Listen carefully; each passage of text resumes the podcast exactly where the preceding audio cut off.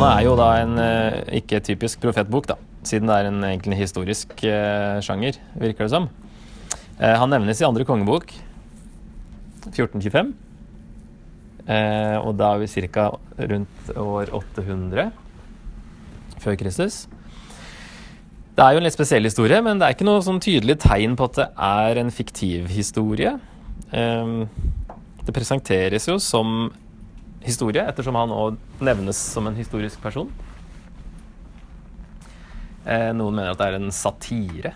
At, at det er, alt, er, alt er omvendt i denne boka eh, enn det du skulle forvente.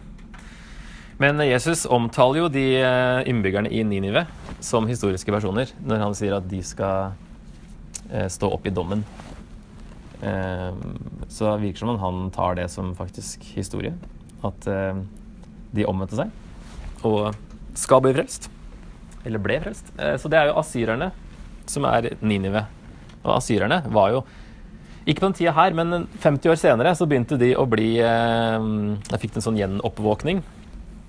Og eh, da ble de eh, stormakt etter hvert, og var skikkelig på frammarsj utover i i, på slutten av 700-tallet. Om vi tenker baklengs, da. 750 til 700 ca.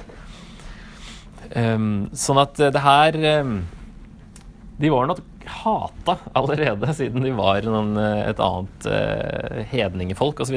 Jonah er i hvert fall ikke noe, han er skikkelig nasjonalist. Han er ikke noe glad for at Gud er nådig mot dem. Det er derfor han ikke vil dra dit, for han vet at Gud kommer til å spare dem hvis de omvender seg, men han vil egentlig at de skal gå under. Og 50 år etterpå så ville folk det enda mer. Eh, så kanskje det var skrevet litt senere, eller noe sånt. Eller i hvert fall så fikk det enda mer betydning senere, når asyrerne da ble enda ondere.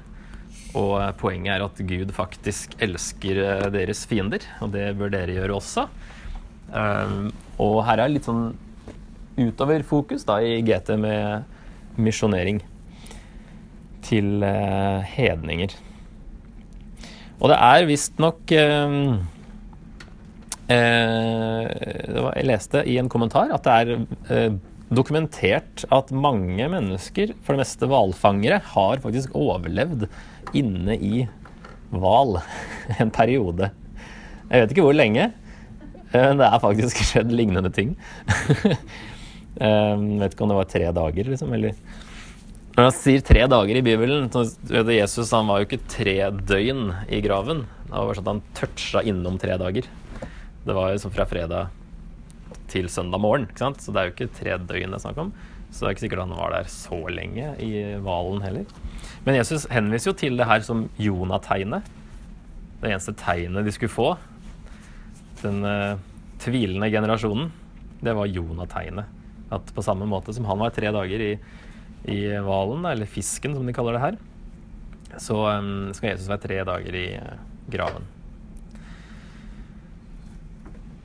Og så står det at Gud angra. Det vil si at han tok omvendelsen seriøst, og han straffet dem ikke. Så når du leser om at Gud angrer seg, så betyr ikke det at han uh, plutselig ombestemmer seg. Eller at han uh, innser at å ja, det var kanskje dumt det jeg først hadde tenkt. Jeg får heller gjøre noe annet. Det er heller at han vil jo at de skal omvende seg.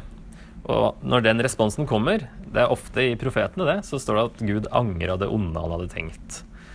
Eh, fordi de omvendte seg. Da, ok, da gjør vi sånn i stedet. Det er jo hele poenget med at han sender profeter. Det er ikke for å si at 'nå skal jeg straffe dere', jeg bare sier fra på forhånd. Eh, det er jo for at de skal omvende seg.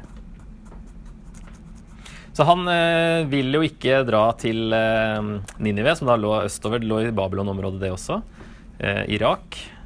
Han drar i stedet da vestover, i motsatt retning. Prøver å komme seg unna. Så det handler jo egentlig mer om eh, Guds kjærlighet og nåde enn at Jonah prøver å stikke av, og at han er en merkelig fyr. eh, men han hater asyrerne mer enn uh, enn en, en, uh, ønsket om å være trofast mot Gud. Da. Og uh, ikke sånn veldig velvillig profet. Så Jesus i Jonah eh, Han var også en profet fra Galilea. De fleste profetene kom fra Juda og Jerusalem-området. Er, men Jonah er en som kom da fra Gat Heffer, står det i andre kongebok 14, og det var fem kilometer fra Nasaret, så det var nesten samme sted. Så kanskje han var spesielt kjent i området der, altså sånn for de som levde på Jesu tid, at Jesus henviser til Jonah kanskje av den grunn også. Eh, som da med dette Jonah-tegnet, som man nevner i Matteus 12.